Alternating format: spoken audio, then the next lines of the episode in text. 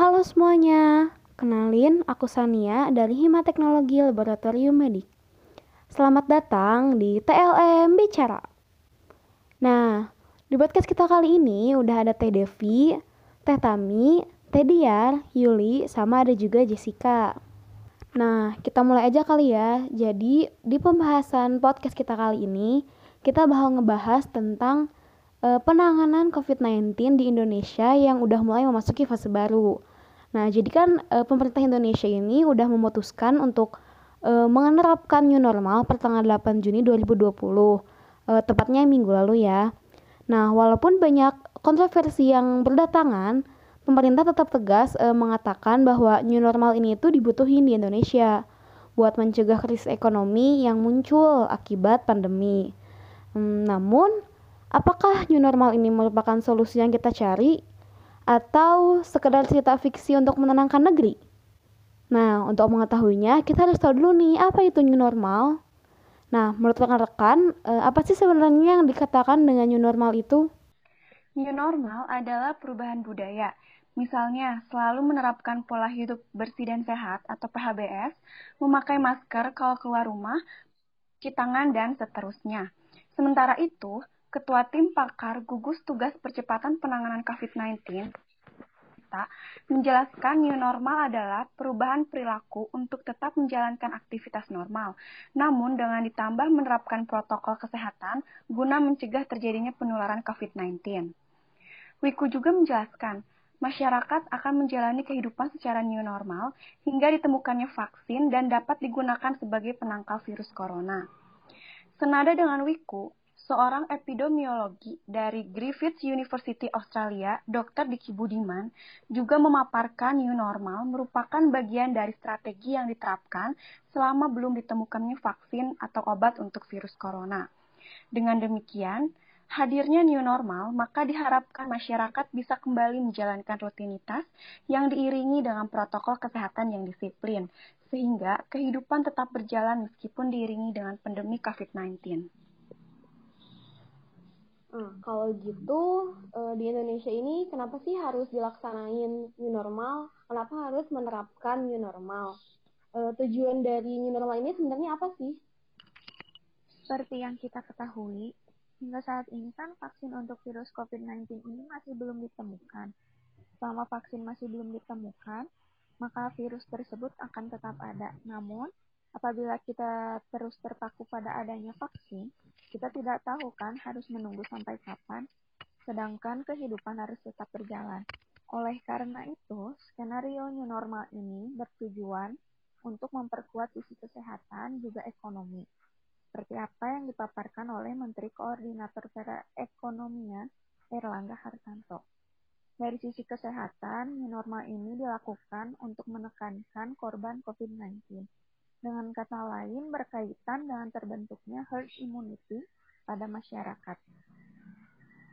Pandemi COVID-19 ini juga akan sangat berpengaruh ya pada perekonomian Indonesia. Pada masa PSBB yang diterapkan pemerintah ini saja, banyak sekali pekerja yang kehilangan pekerjaannya. Sedangkan 55-70 juta dari 133 juta pekerja di Indonesia adalah pekerja informal, sehingga mereka ini yang paling terdampak.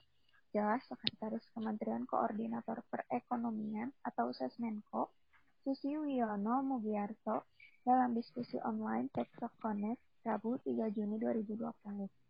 Selain itu, meningkatnya angka pengangguran ini akan berhubungan atau berdampak pada pergerakan ekonomi konsumsi dalam negeri. Oh, kalau gitu berarti karena emang vaksinnya belum ada dan perekonomian harus tetap maju, jadi Indonesia harus ngelakuin normal ya. Nah, apa sih yang harus kita persiapkan gitu sebagai masyarakat untuk menghadapi new normal nanti? Atau e, pemerintahnya mungkin udah mempersiapkan peraturan dan persyaratan untuk new normal di Indonesia?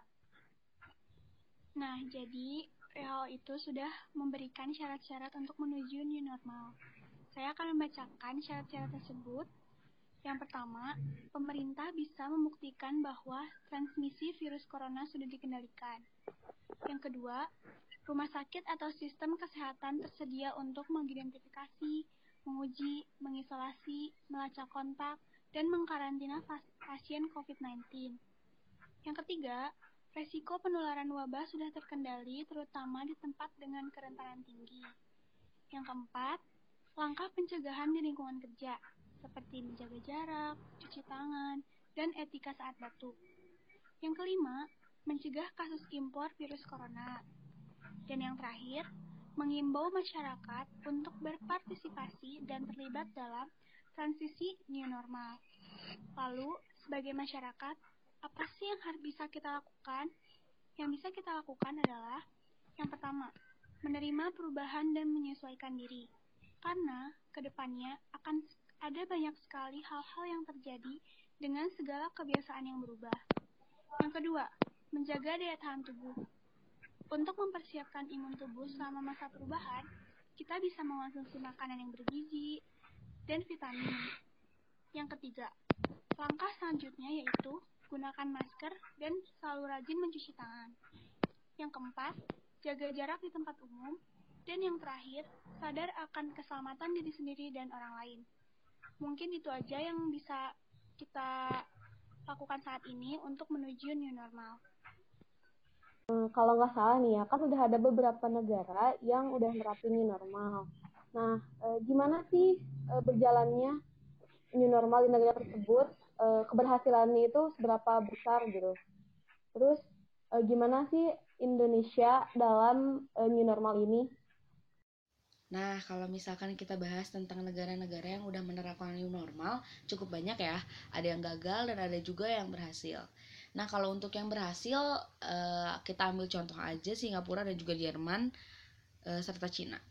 Nah, kalau untuk Singapura, mereka baru eh, melakukan new normal pada tanggal 2 Juni 2020 dan juga pemerintah menerapkan tiga fase pendidikan saat ini sudah boleh dibuka, tetapi e, pemerintah memperlakukan protokol kesehatan yang sangat ketat, di mana siswa-siswinya wajib menggunakan masker, wajib menggunakan face shield, wajib untuk menjaga jarak fisik, dan juga wajib untuk mengecek suhu sebelum masuk sekolah. Untuk kegiatan peribadatan, tetapi belum dibuka di Singapura. Tetapi pelaksanaan new normal di Singapura ini dilakukan setelah tidak ada lagi penambahan kasus positif selama beberapa hari di Singapura. Dengan kata lain, setelah pemerintah dapat mengendalikan penyebaran infeksi COVID-19. Hasilnya, kurva kasus positif COVID-19 di Singapura semakin menurun dan juga sekarang masyarakatnya dapat beraktivitas seperti biasa. Nah, yang kedua ada Jerman nih. Jerman itu mulai melakukan pelonggaran lockdown pada tanggal 20 Mei 2020 dan dilakukan dengan secara bertahap. Mulai 4 Mei, pendidikan sudah boleh dibuka, tetapi prioritasnya hanya siswa-siswi tahun akhir saja.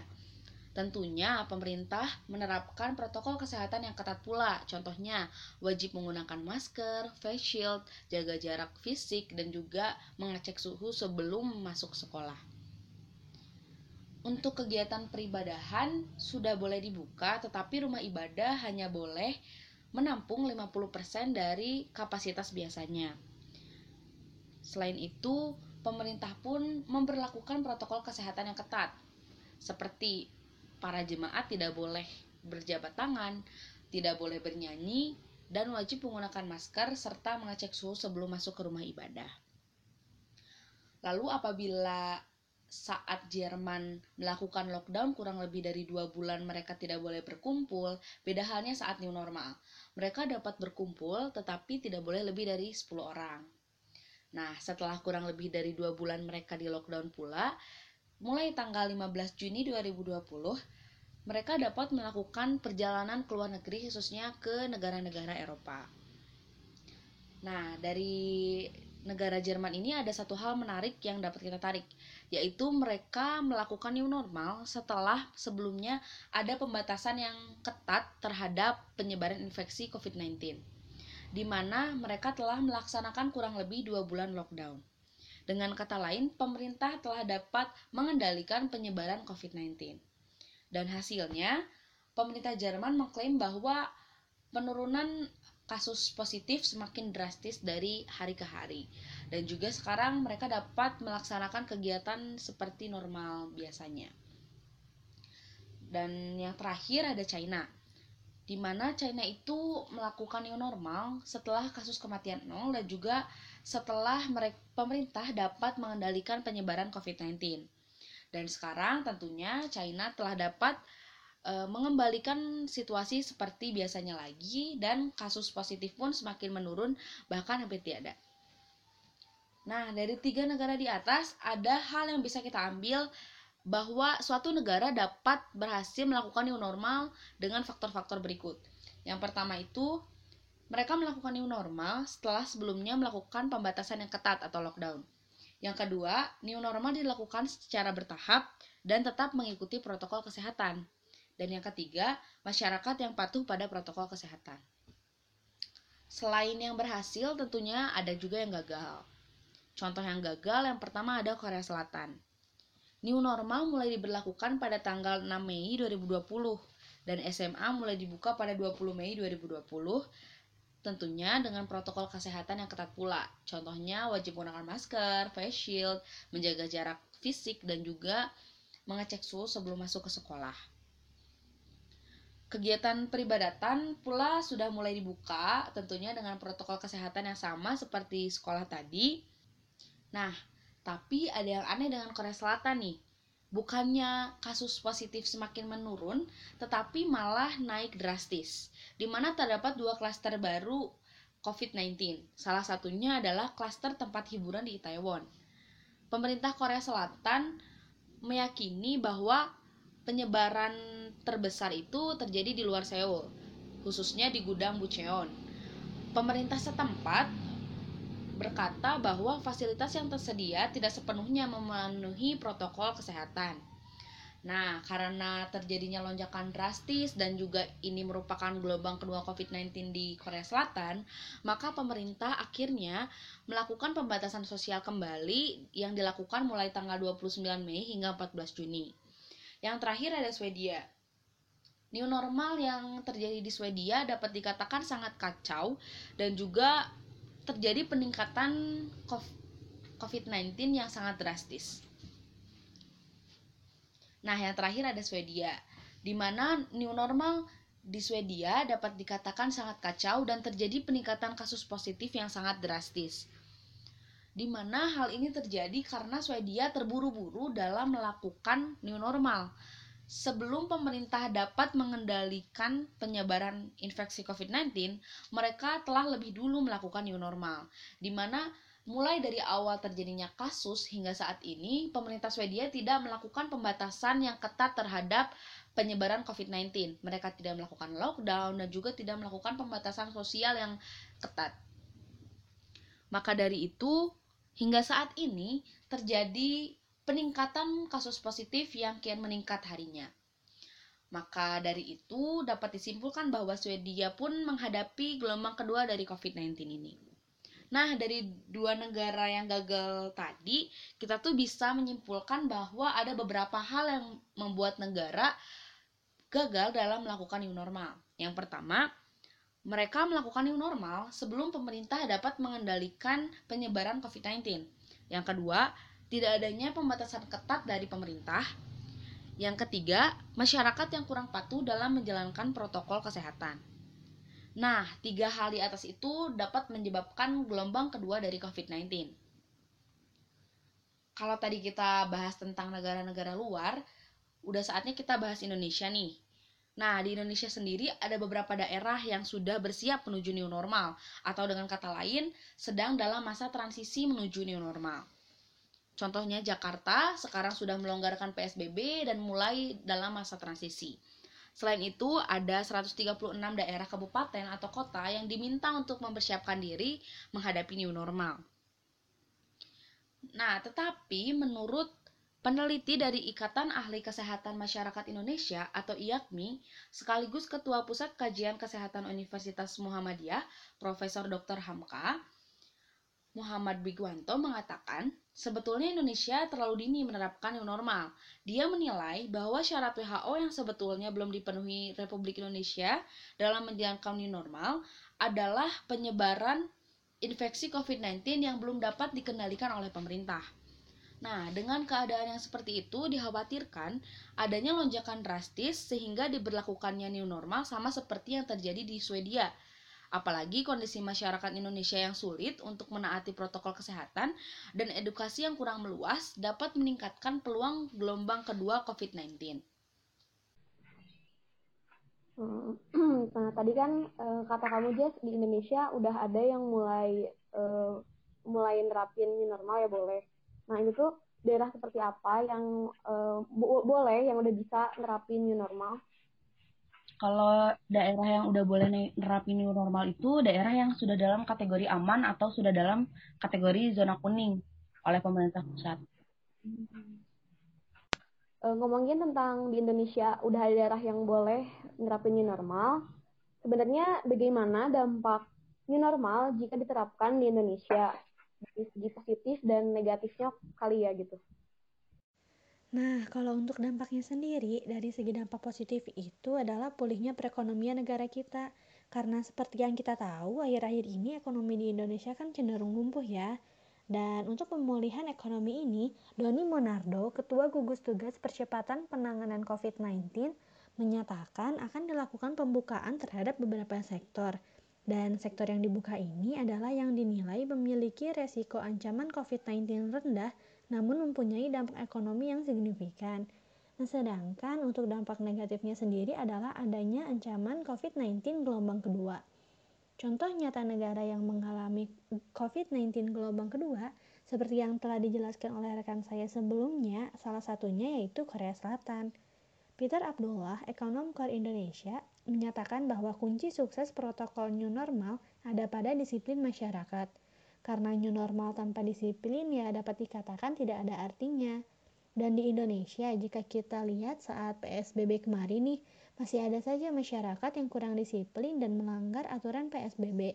Ini dapat dijadikan gambaran bagi pemerintah untuk membuat regulasi yang lebih baik dan dikontrol dengan lebih ketat dan tegas. Karena ya apabila masyarakat masih terus tidak disiplin, akan sangat dikhawatirkan terjadi COVID-19 gelombang kedua akibat dari berlakunya new normal ini. Uh, oke okay, oke okay, oke okay. berarti ada negatif positifnya kayak gitu ya. Nah kalau menurut rekan-rekan sendiri nih, uh, sebenarnya di Indonesia ini tuh uh, bisa nggak sih nerapin new normal atau mungkin harus gitu diterapin new normal ini? Menurut saya, new normal ini uh, harus dilaksanakan ya karena seperti yang kita lihat kondisi ekonomi masyarakat dapat dikatakan sudah sangat memprihatinkan. Jadi dalam rangka pemulihan ekonomi sangat diperlakukan diperlukan berlakunya new normal ini. Kalau menurut saya sendiri, new normal ini tuh dapat dilakukan tapi bukan pada saat ini. New normal dapat dilakukan apabila sudah adanya edukasi dari pemerintah mengenai new normal itu apa kepada masyarakat secara meluas dan juga setelah pemerintah dapat mengendalikan infeksi COVID-19. Uh, Oke, okay. berarti sebenarnya new normal ini itu penting ya dilakukan di Indonesia demi uh, menjaga ekonomi perekonomian di Indonesia. Tapi harus mementingkan juga beberapa hal seperti protokol kesehatan, kedisiplinan uh, masyarakatnya, supaya tidak terjadi klaster uh, kedua gitu ya. Nah, paling segitu aja sih dari kita di pembahasan kali ini. Uh, terima kasih sudah mendengarkan. Dadah.